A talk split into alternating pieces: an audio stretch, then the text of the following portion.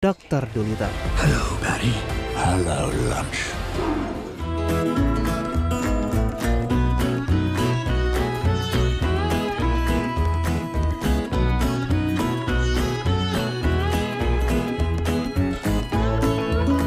Di dunia nyata ternyata ada loh orang-orang yang mengklaim bisa berkomunikasi dengan hewan, seperti halnya Dr. Dolittle.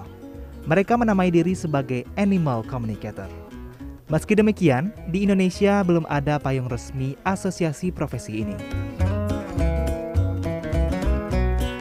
Salah satu yang menggeluti bidang komunikasi dengan hewan adalah Rajanti.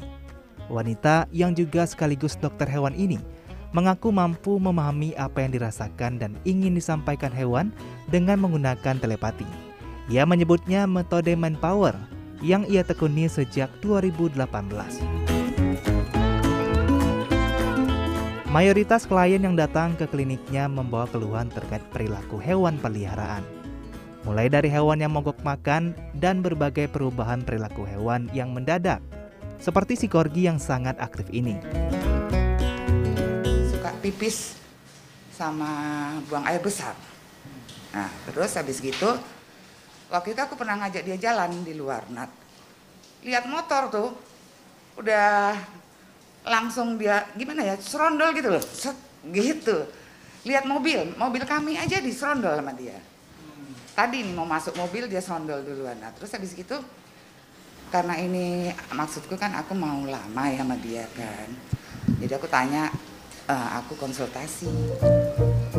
Untuk mengetahui perangai si korgi, Dokter Yanti memejamkan mata seperti tengah berdoa dan menenangkan diri. Menurut Yanti, ia sedang memasuki gelombang alfa di otaknya.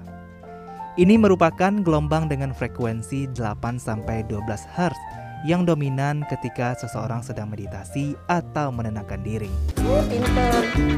Menurut Yanti, berbicara dengan hewan yang ia maksud tidak menggunakan bahasa yang spesifik, melainkan dengan menggunakan interpretasinya sendiri. Jadi sebenarnya ini kan nggak ada bahasanya general ya.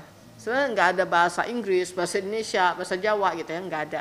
Sebenarnya kita kalau secara telepatik kita menangkap apa yang dia rasakan, emosinya dia, apa yang dia inginkan gitu ya. Uh, dia protes kenapa gitu ya. Nah, jadi tapi oleh otak kiri kita itu diubah gitu ya. Menjadi bahasa kita sehari-hari. Metode manpower yang Rajanti tekuni sudah ia ajarkan melalui berbagai seminar dan pelatihan. Di kliniknya kini sudah ada 12 animal communicator hasil dari pelatihan tersebut.